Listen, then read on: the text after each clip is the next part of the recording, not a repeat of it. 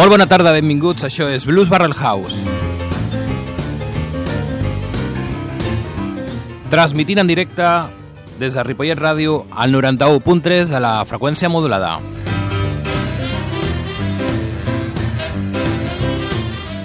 El meu nom és David Giorcelli, tot un plaer, i al control de so el senyor Toni Miralles.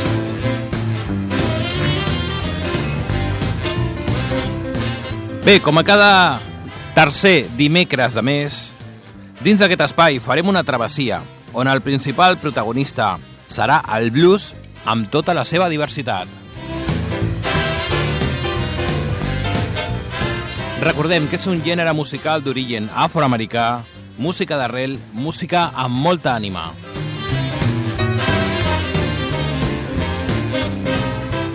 Avui, ladies and gentlemen, el fil conductor té nom propi, Mr. Steve Ray Bogan.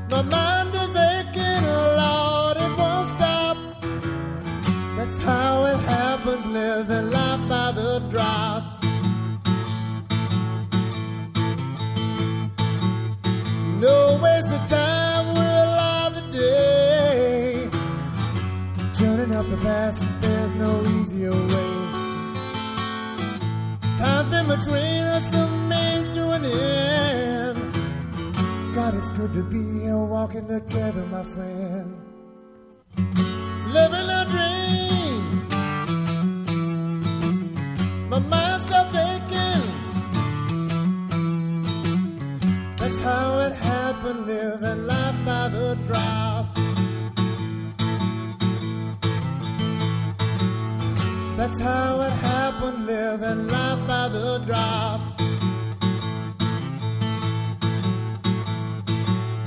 That's how it happened, living life by the drop.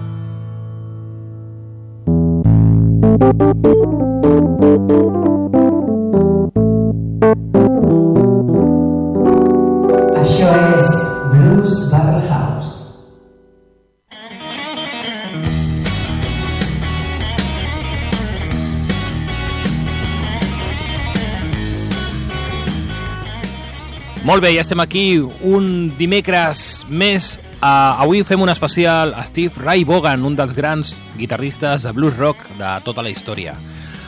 Dèiem, la biografia de Steve Ray Vaughan s'inicia amb el seu naixement el dia 3 d'octubre de l'any 1954 a Oak Cliff, Dallas, Texas. Tot i que els seus pares no comptaven amb cap talent a nivell musical, sí que eren fanàtics de pràcticament tots els gèneres musicals. D'allà que solien portar com a Steve i el seu germà Jimmy a concerts de destacats artistes musicals com Jimmy Reed, Bob Wills o el mateix Fats Domino. Steve, rendit sota els encants de la música, va començar a interessar-se paulatinament per la bateria, sent aquest el primer instrument musical que va treure la seva atenció, fins al dia que li van regalar la seva primera guitarra. El primer disc que va aparèixer a la vida de Steve va ser Wham, de Lonnie Mac, un àlbum que el va escoltar innombrables ocasions fins al punt d'esgotar la paciència del seu pare, que directament el va partir en dues meitats. Breument, el senyor Lonnie McIntosh, reconegut pel seu nom artístic com Lonnie Mac, va ser un cantant i guitarrista nord-americà, popular pels seus instrumentals de 1963, Memphis i Wham. Lonnie va ser esmentat en moltes ocasions com un pioner del blues and rock. Anem a escoltar un tema al senyor Lonnie Mac que es diu Wham.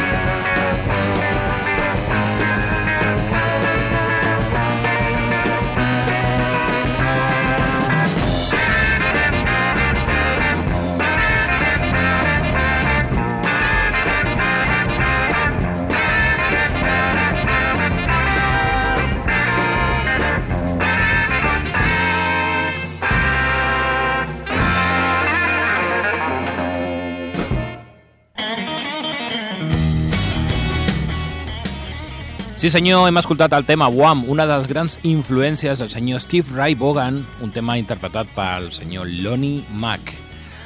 Steve Ray Vaughan, a la seva adolescència destaca pel seu hàbit interès per crear el seu propi estil musical, encara que, en primera instància, les seves inspiracions les trobaven artistes com Albert King, Jimi Hendrix, Otis Rush o Freddie King. Cap a l'any 1969, el blues era el gènere que més li atreia i el, bueno, el jove Steve Ray Vaughan, una passió sense frens que el va incentivar a formar la seva primera banda musical, The Blackbirds, una agrupació amb què va guanyar prou fama per tocar en un club anomenat Hills Country Club. Això va suposar un punt d'inflexió per a Stevie, ja que el va motivar a deixar els seus estudis secundaris i seguir els seus anells per endinsar-se a l'escena musical.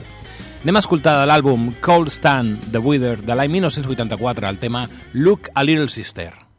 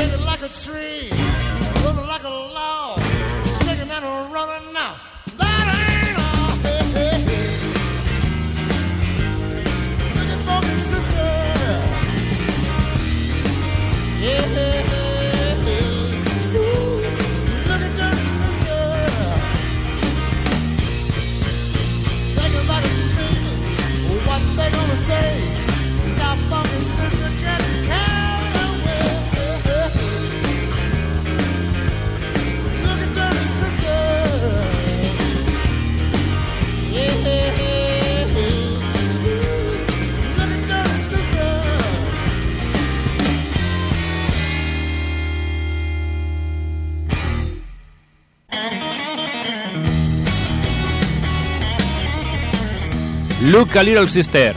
Ok, continuem, avui especial Steve Ray Vaughan. Poc anys després, Steve va aconseguir fer seu un dels instruments que més satisfacció li causava, una antiquada Stratocaster, comprada a un preu molt assequible en una botiga d'empenyoraments. El seu horrible aspecte tampoc va ser un problema per a Stevie, qui, a més d'anomenar-la com Number One, li va introduir certes modificacions que li donaven uns aires més decents. Això sí, moltes vegades es queixava dels antics models de Stratocasters, ja que deia que el seu disseny li impedia treure el màxim partit al seu talent guitarrista. Ok, anem a escoltar directament de l'àlbum Double Trouble, Pride and Joy.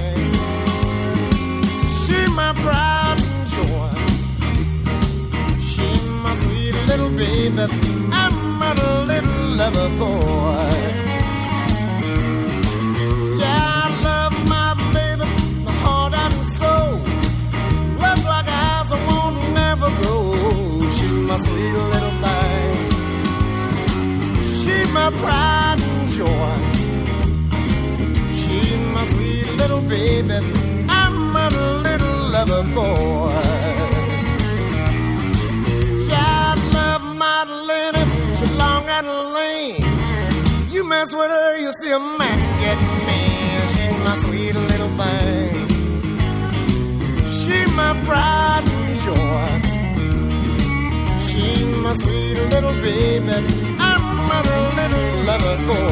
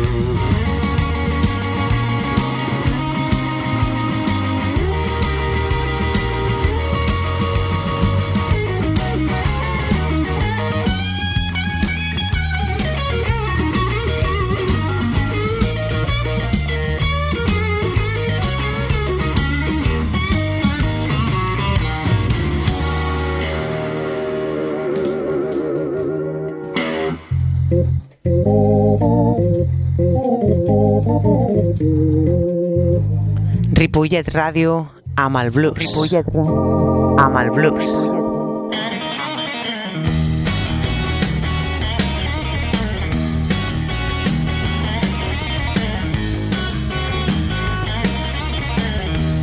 Bé, continuem. Avui especial Steve Ray Vaughan aquí en directe des a Blues Barrel House, Ripollet Ràdio. Recordeu, cada tercer dimecres de mes. Al maig de 1969, Steve es va unir a l'agrupació coneguda com The Southern Distributor. La seva impecable execució de la cançó Jeff's, Jeff's Boogie de The Yardbirds com a audició va resultar en un destacat aprovat. Una espectacular audició que serà recordada anys més tard pel baterista del grup Mike Steinbach.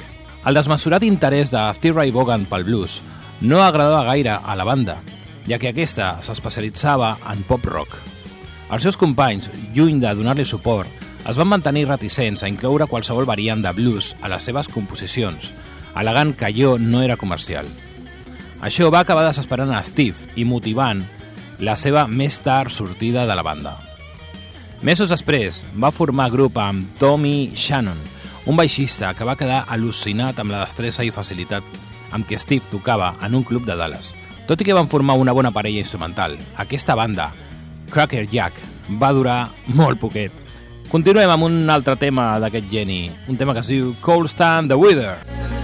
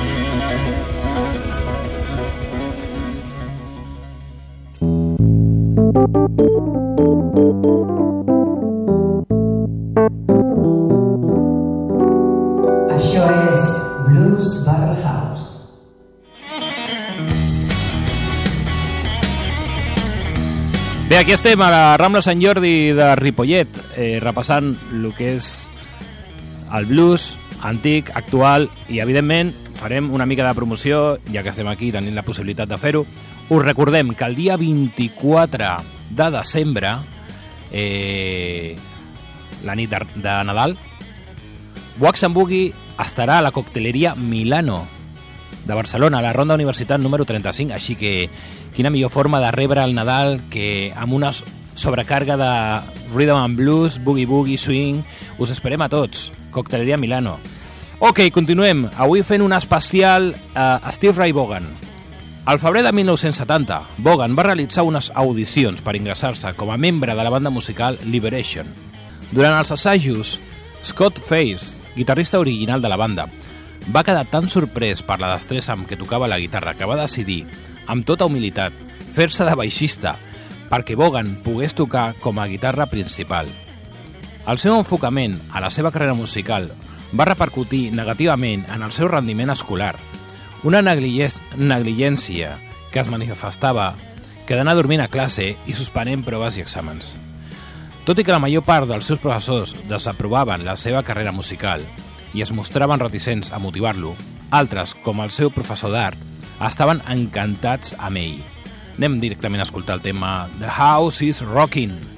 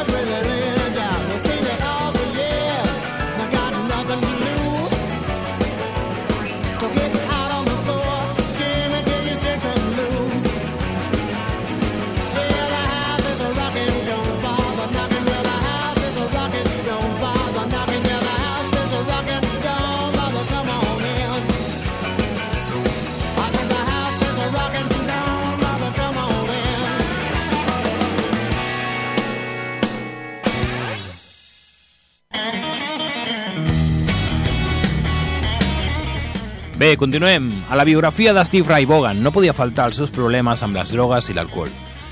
Amb tan sols 6 anys, Vaughan va començar a robar les begudes alcohòliques del seu pare. Segons sembla, estava fascinat amb els seus efectes.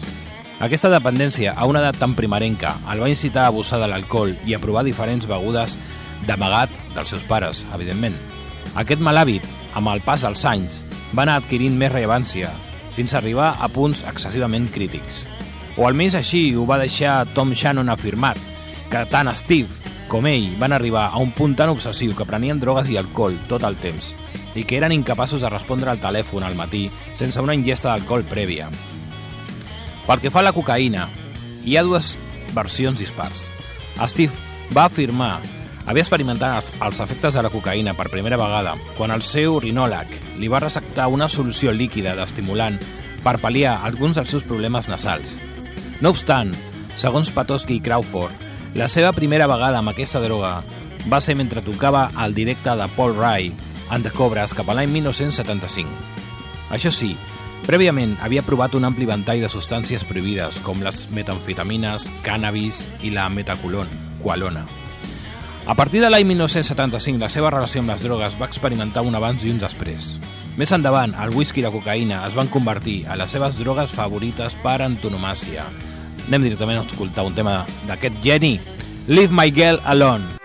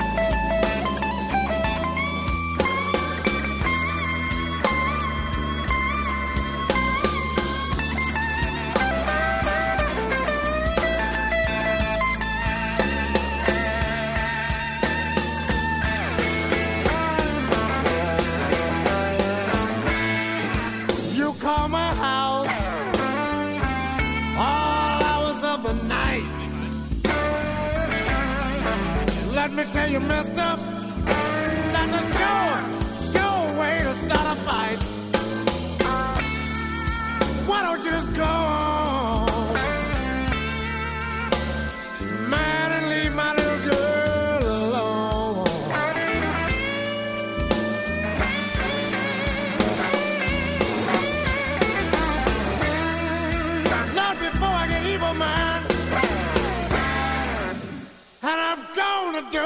something wrong.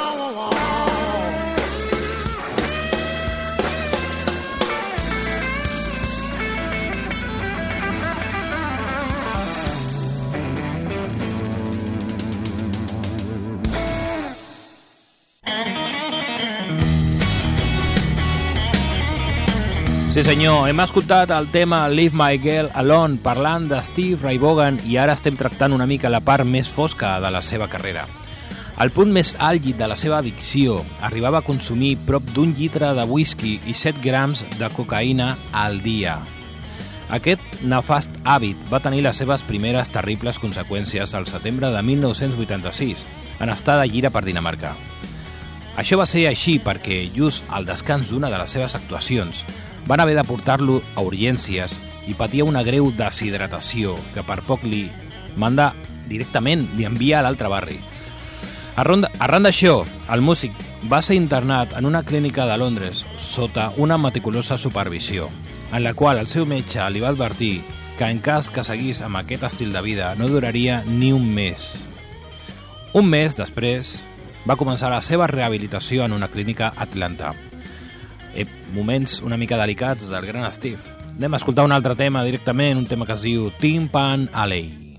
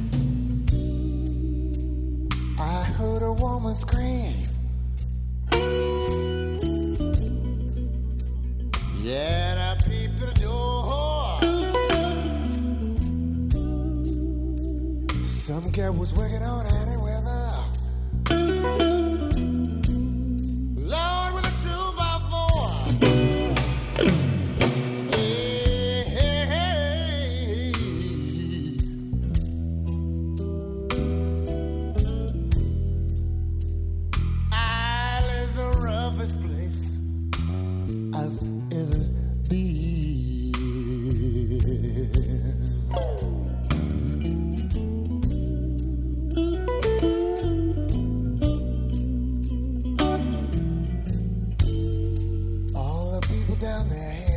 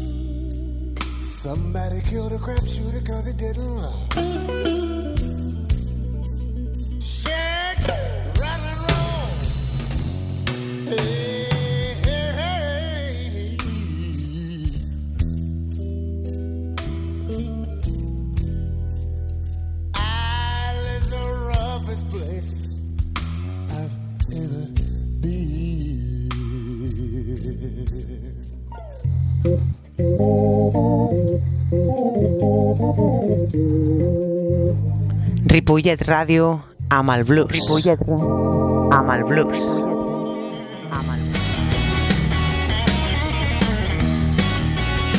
Sí senyor, sí senyor, estàvem escoltant Tim Panalley, per mi un dels temes amb més feeling, més sentiment de la història del blues, sincerament, una qualitat de, de, bueno, de, de so, de, aquesta capacitat de jugar amb les dinàmiques i, i expressar-ho interpretant amb un instrument brutal.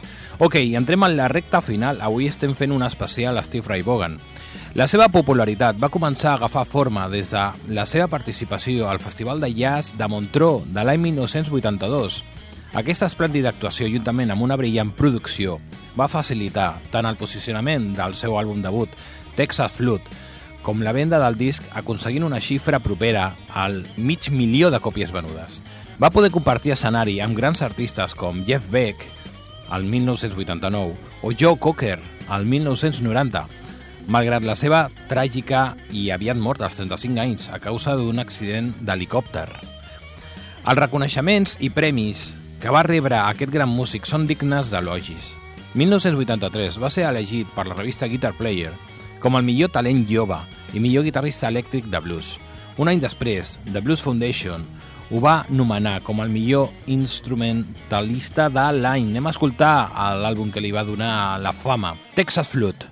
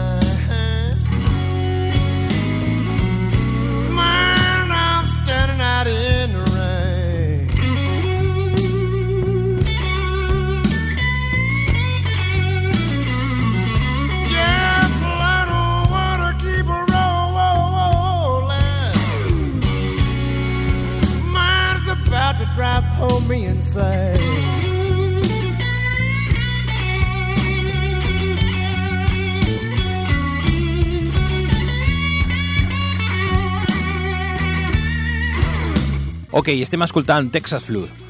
En total, va guanyar 6 Grammy i 10 premis Austin Music. Va ser inclòs tant al Saló de la Fama del Blues al 2000 com al Saló de la Fama dels Músics al 2014, sense obviar que tant ell com la seva banda Double Trouble va ser presentats a Malogis al Saló de la Fama del Rock and Roll al 2015. La revista Performance ho va triar com els músics de blues a l'any, el 1987, i la revista Rolling Stone va fer el mateix, posicionant-lo al número 12 a la llista dels millors guitarristes de tots els temps, encara que, més tard, el 2003, va ser ascendit a la setena posició. També va ser nomenat al 1985 com el mirall honorari de la Marina de Texas. Anem a escoltar, juntament amb un dels grans de la guitarra, el senyor Albert King, el tema Matchbox Blues.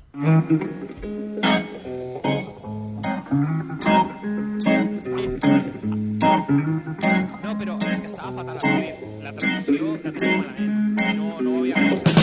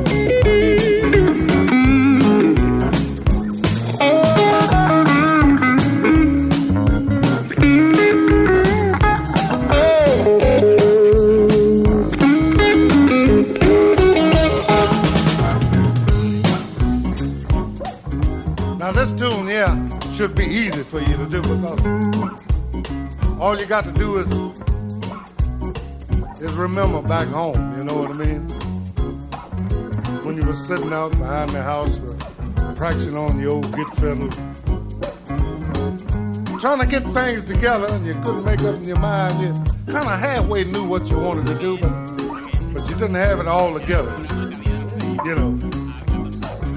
But you did know you wanted to travel, ain't that right? That's right. Yeah. I remember them days real good. I know. Didn't have very many clothes. Didn't know nobody to call, to send for you. So you had to get out there and hitchhike, you know. It don't make no difference. You say, I'm going. I know I got to hitchhike, but I'm going anyway. Whatever happens, it happens. let it happen. I got to pay my dues somewhere. Listen, dreaming I was lucky, but I woke up cold and hand. Yeah. Hey, I dreamed that I was lucky, darling, but I woke up cold and hand. Yeah, yeah. I dream I had you all by myself. But now I know you found you another man, yeah. Oh, that's why I wonder Will a matchbox hold my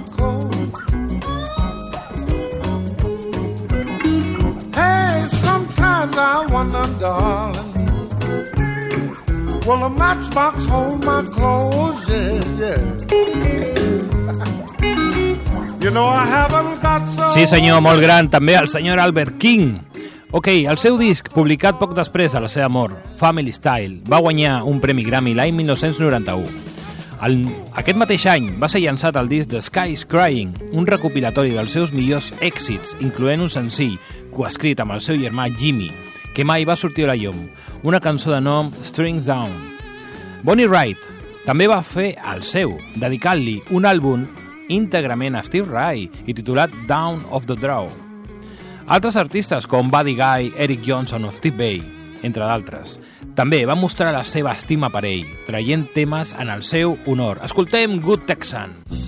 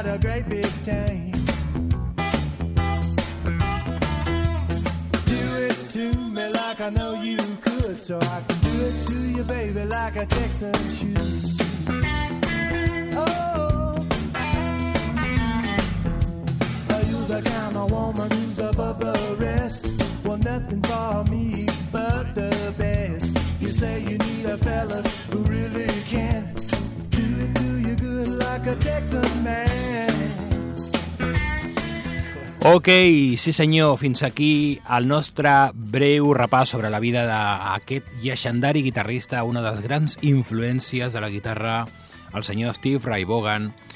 Dic que el 1994 es va realitzar una estàtua en honor a Steve Ray a Austin, Texas, per commemorar aquest talentós artista que tant va alçar la fama d'aquest poble. Moltes gràcies per escoltar-nos, ha estat un plaer.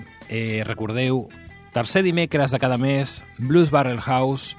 Us desitgem a tots molt bones festes, bon Nadal, molt bona sortida i entrada d'any, sempre carregada amb el millor blues. Us estimo. Fins aviat.